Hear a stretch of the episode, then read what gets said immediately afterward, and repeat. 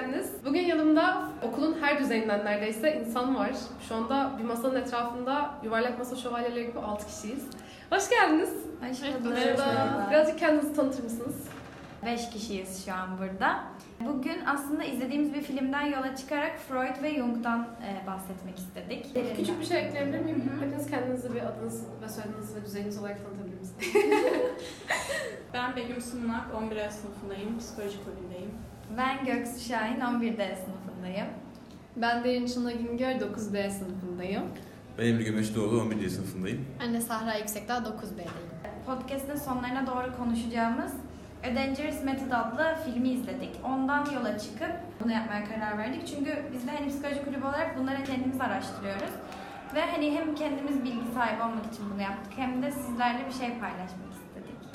Çünkü Freud aslında yani e, böyle hani psikolojiye çok da fazla ilgisi olmayan insanlar tarafından e, işte ise ismi bilinen bir insan ama hani Jung ben şahsen çok da fazla tanımıyordum kendisini.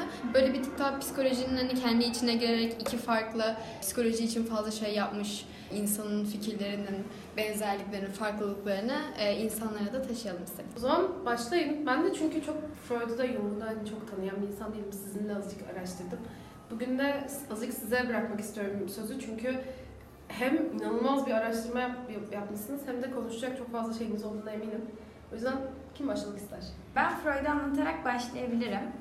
Öncelikle 6 Mayıs 1856'da Avusturya Macaristan İmparatorluğu'nda Freud e, dünyaya geliyor. 1873 yılında Viyana Üniversitesi'nde tıp öğrencisi olarak giriyor. Çünkü aslında kendisi bir nörolog. Yaptığı çalışmalar ve hazırladığı yayınlar ağırlıklı olarak anatomi ve fizyoloji üzerine oluyor. 1887 yılında ise uygulamalarında hipnotik telkin yöntemini kullanmaya başlıyor.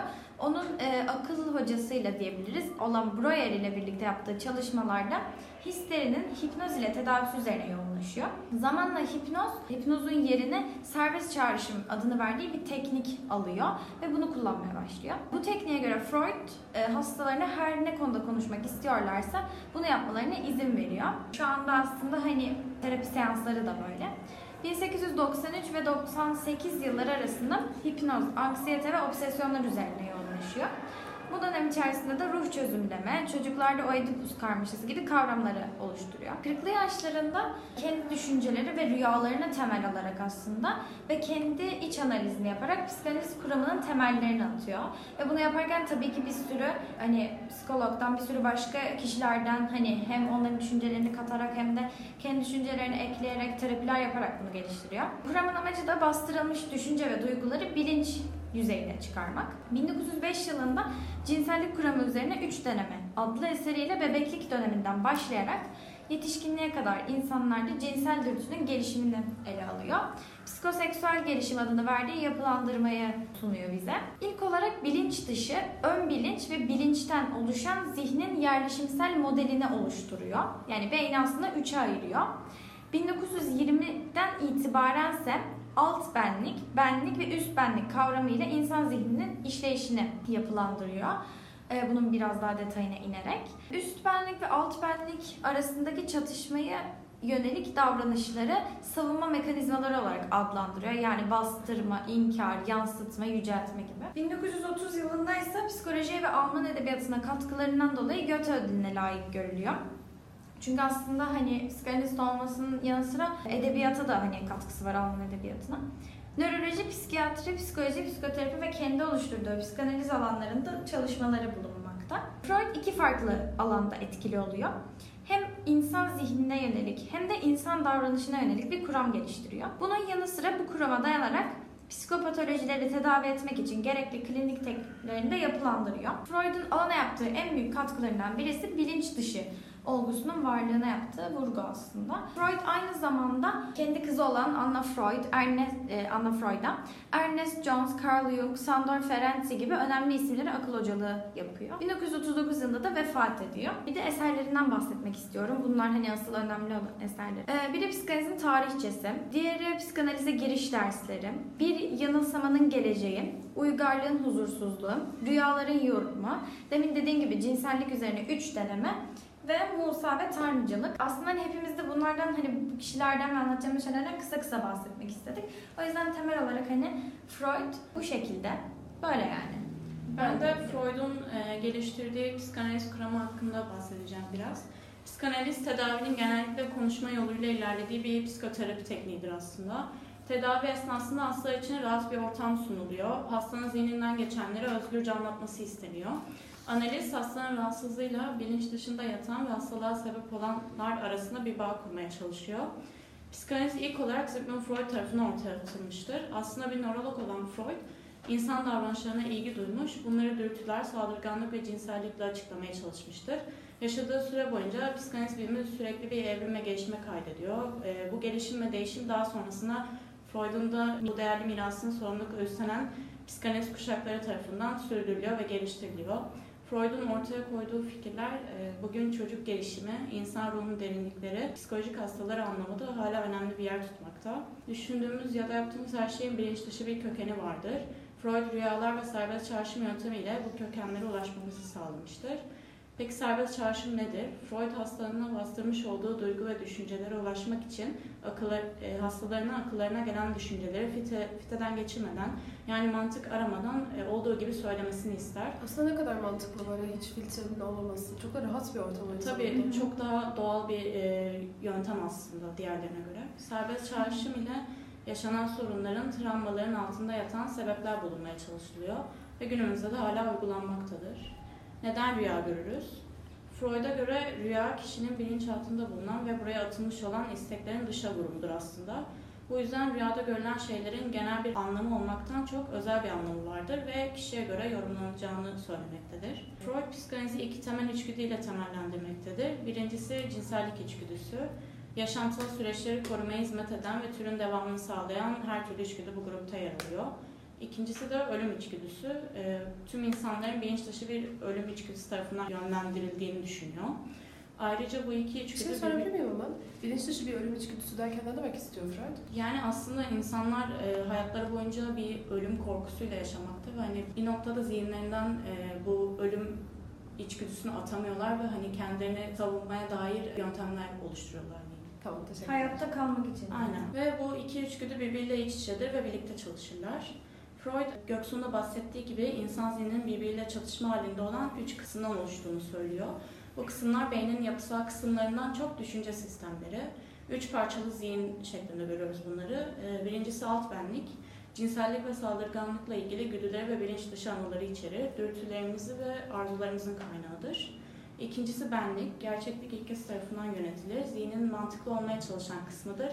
Kişiliğin düzenleyici, denge ve uyum sağlayıcı bileşenidir. Üçüncüsü ise üst benlik. Genel anlamda aile ve toplum kurallarını içermektedir. Nasıl doğru davranılması gerektiği üzerinedir. Göksu'nun da yine bahsettiği gibi benlik ve alt benliğin bizde oluşturduğu dürtüler kabul edilemez olduğunu hissediyoruz. Ferego, üst benlik buna hani karşı çıkıyor. Çünkü nasıl doğru davranılması gerektiğini bize küçüklükten beri işledikleri için insanlar artık bastırmak istiyor bu, e, bu düşüncelerini ve bundan dolayı kaygılanmaya başlıyoruz. O yüzden hani bilinç dışı savunma mekanizmaları oluşturuyoruz. Ama Freud da e, Freud tarafından ortaya atılan savunma mekanizmaları üzerinde çalışmış ve geliştirmiştir. İnsanların da birden çok savunma mekanizması vardır. Ee, şimdi ben e, Jung'dan bahsedeceğim. Carl Gustav Jung, İsviçreli bir psikiyatr ve aynı analitik psikolojinin kurucusudur. Aynı zamanda derinlik psikolojisinin Freud ve Adler ile beraber üç büyük kurucusundan biridir. Analitik psikoloji, analitik düzlemde alt cisim ve ordinatın ruh halini inceleyen bilim dalıdır. Analitik psikoloji Jung'a göre insan insan bilinç ve bilinçaltı olmak üzere iki kısımdan oluşur. Burada bilinçten kasıt egodur. Yani insanın farkında olarak yerine getirdiği iş, oluş ve davranışlardır. Çünkü Jung'a göre insan davranışları sürekli ve devamlı kılan şey egodur. E, hayatından bahsedersek de Jung 26 Temmuz 1875'te İsviçre Kesfül'de doğmuştur. Adını tıp profesörü olan büyük babasından almıştır ve bir papazın oğludur. Mutsuz bir ailenin çocuğu olan Jung yalnız ve içe dönük bir çocukluk geçiriyor. Çok küçük yaşta Latince öğrenmeye başlayan Jung'un dil bilimi ve edebiyata özellikle de antik edebiyata derin bir ilgisi var. Aslında kariyer seçimini ilk olarak arkeoloji olarak seçiyor. Felsefeyle ilgileniyor sonrasında. Özellikle Arthur Schopenhauer'dan etkileniyor ve tıp eğitimi görüyor. 1895'te Bazel'de tıp eğitimi almaya başlıyor ve 1899 yılında 24 yaşında psikiyatride karar kılıyor. İlk görevini Zürih'te bir akıl hastanesinde şizofreni uzmanı Blora ile yapıyor. 1903 yılında da e, şu anki yani o zamanki karısı olan Emma ile evleniyor. Freud'un Rüyalar kitabını okuduktan sonra Freud ile mektuplaşmaya başlıyor. 1907 yılında Freud ile Viyana'da tanışıyor. Jung aynı zamanda Freud ile beraber çalıştığı toplumsal bilinçaltı kavramıyla da tanınıyor. 36 yaşında Uluslararası Psikanaliz Birliği'nin ilk başkanı oluyor ve analizlerinde astrolojiden de yararlanıyor. Freud ile birlikte Amerika'ya seminer vermek üzere yaptıkları gezi sırasında arkadaşlıkları soğuyor Freud'la. Ee, Bu soğuma arttıkça da aralarındaki kişisel ve teorik farklılıklar yoğunlaşıyor. 1914-1917 yılları arasında kendi bilinç dışı, dışı psikolojisinde yaptığı zorlu seyahat döneminde e, Marvin Goldberg yaratıcı hastalık dönemi diyor ve bu dönemin vizyonlar dolu olması dikkat çekici bir hale geliyor. Birinci Dünya Savaşı Jung için oldukça acı veren bir kişilik testi dönemi oluyor ve en ilginç kişi, kişilik teorilerinin başlangıcı oluyor. Jung tarafından bulunan kompleks, içe dönük ve dışa dönük, gölge, arketip, anima ve animus gibi kavramlar geniş şekilde kabul görüyor. Jung yaşamı boyunca hiçbir zaman dindar biri olmadı. Aksine dışarıdaki tanrı yerine içindeki tanrıyı keşfetti ve buna psişe modelinin göbeğine oturttu. Aynı zamanda Jung, Freud ile karşılaştırıldığında psikolojinin içine dini, kültürel farklılıkları ve soya çekimini daha çok içine kattı. 6 Haziran 1961 yılında İsviçre'de vefat etti. Ben de şimdi Freud Jung'un fikir ayrılıklarından Ben bahsedeceğim. açıkçası e, bundan bahsetmenizi istedim çünkü birazcık dedikodu gibi geldi.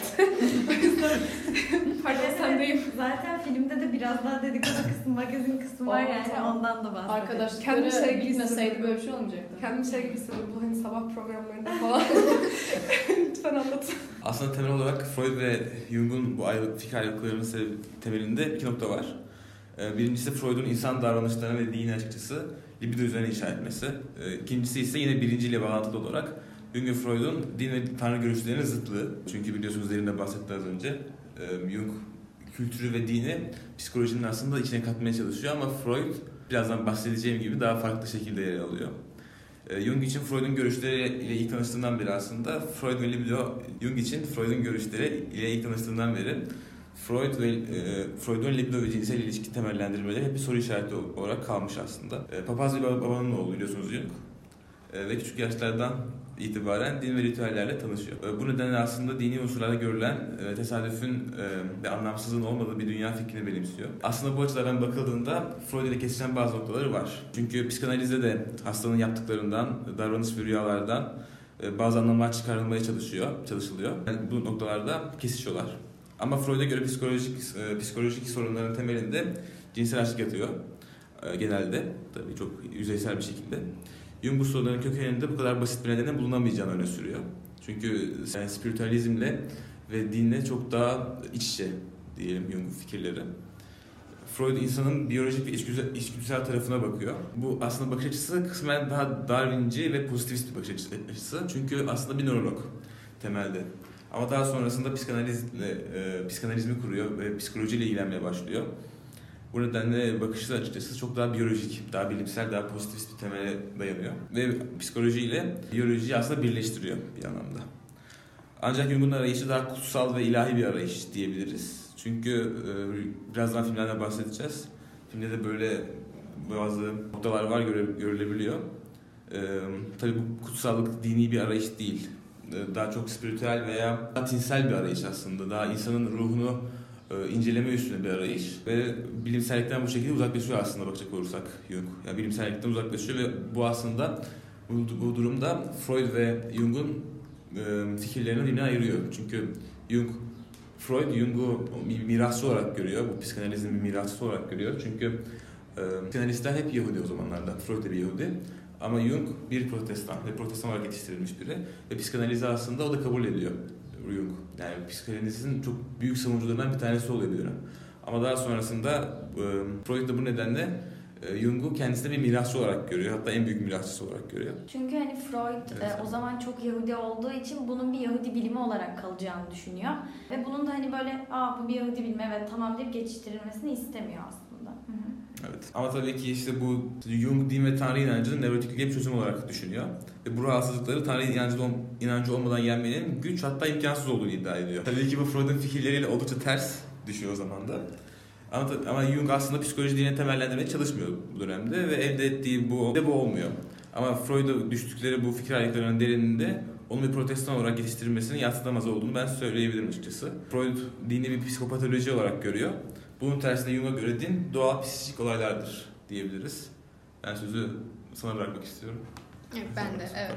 E, tabii bu bahsedilen fikir ayrılıklarıyla birlikte bu iki insanın e, hastalar üzerinde uyguladıkları tedavi yöntemlerine de farklılıklar oluyor doğal olarak. Freud'un hani hastalar üzerinde uyguladığı yöntemlerden bahsedecek olursak, Freud psikanalizin ilk günlerinde hastaların acılı duygularla birlikte yaşadıkları geçmiş olayları bilinç dışlarına ittiklerini, e, bu, bu bilinç dışına itilmiş duyguların, olayların insanların psikolojik sorunların başlıca nedeni olarak gösteriyordu diğer insanlara. Peki Freud bunu nasıl tedavi ediyor? Bir hastalarına nasıl bir yöntem uyguluyor?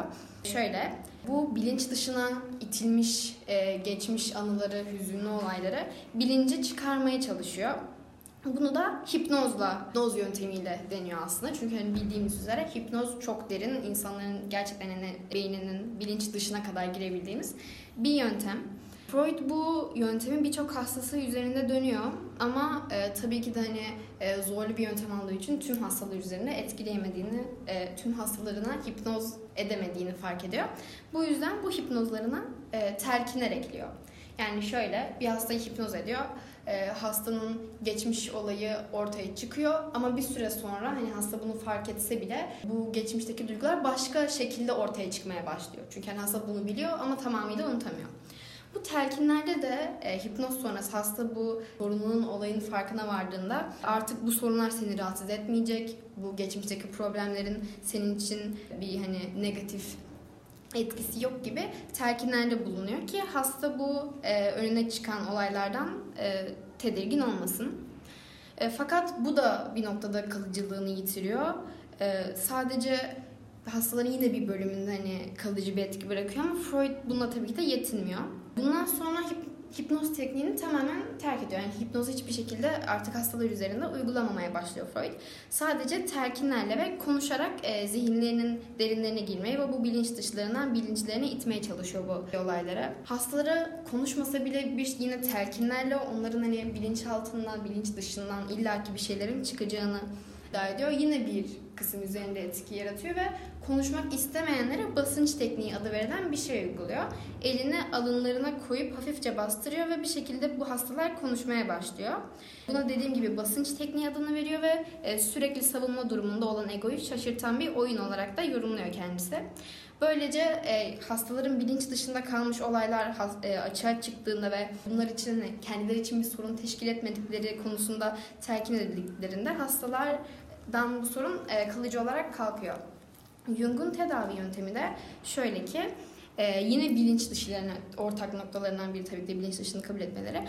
Ee, bilinç dışımızda yani hastaların bilinç dışlarıyla bir anlaşma kurarak e, insanların psikik bütünlüğünü kolaylaştırmayı amaçlayan bir psikoterapi biçimi uyguluyor. Tabii ki hani buradan anlayabileceğimiz üzere Jung her insanda bir psikik e, alt tabaka olduğunu inanıyor ve bunun üzerinden insanların e, bilinç dışlarıyla iletişime geçiyor.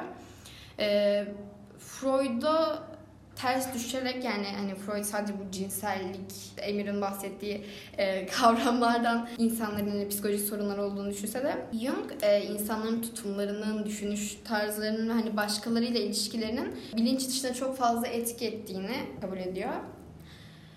Şöyle Jung da aslında hani bir noktada Freud gibi konuşuyor hastalarıyla ama burada e, Jung'un amacı hastalarını kendileriyle barış içine sokmak ve hastaların e, kendi sorunlarıyla bu bilinç dışından bilince itildiğinde kendi sorunlarıyla barışmalarını ve bireyselleşmelerini e, sağlıyor.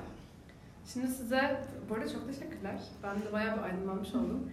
Şimdi size şunu soracağım. E, bir filmin referans noktası olarak aldınız. Bundan konuşabilir miyiz birazcık? Yani izlememiş olanlara Hı hı. azıcık anlatabilir misiniz? Filmde e, aslında daha çok Jung üzerinde duruluyor. E, ve Spielrein diye bir kadın var.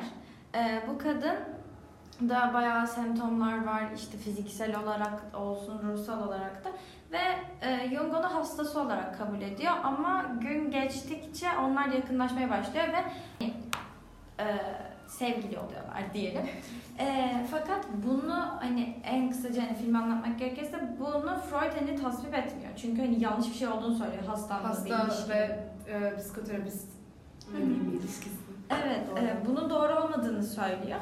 E, ve hani bunu bitirmesi gerektiğini söylüyor. Tabi aslında Jung önce Freud'a söylemiyor ama Spirlein söylemesini istiyor çünkü Jung bitiriyor falan aralarındaki ilişkiyi. Ama aslında o kadın da sonra Rusya'ya gidiyor, Rus bir kadın. Sonra çocuk psikolojisinde çalışmalar yapıyor ve o da hani aslında bu alanda hani şey hasta olmasına rağmen kendisi önemli şeyler yapan biri. E, belki de şeyden de bahsedebiliriz filmde. E, bu şeyi daha iyi görmek için Jung'un hani bir e, odadalarken Freud'la ilk defa konuşuyorlar böyle bir 8 saat mi 10 saat mi boyunca, 13 saat aralıksız. e, o odada olan e, olaydan hani sesten Aa, Ben- evet.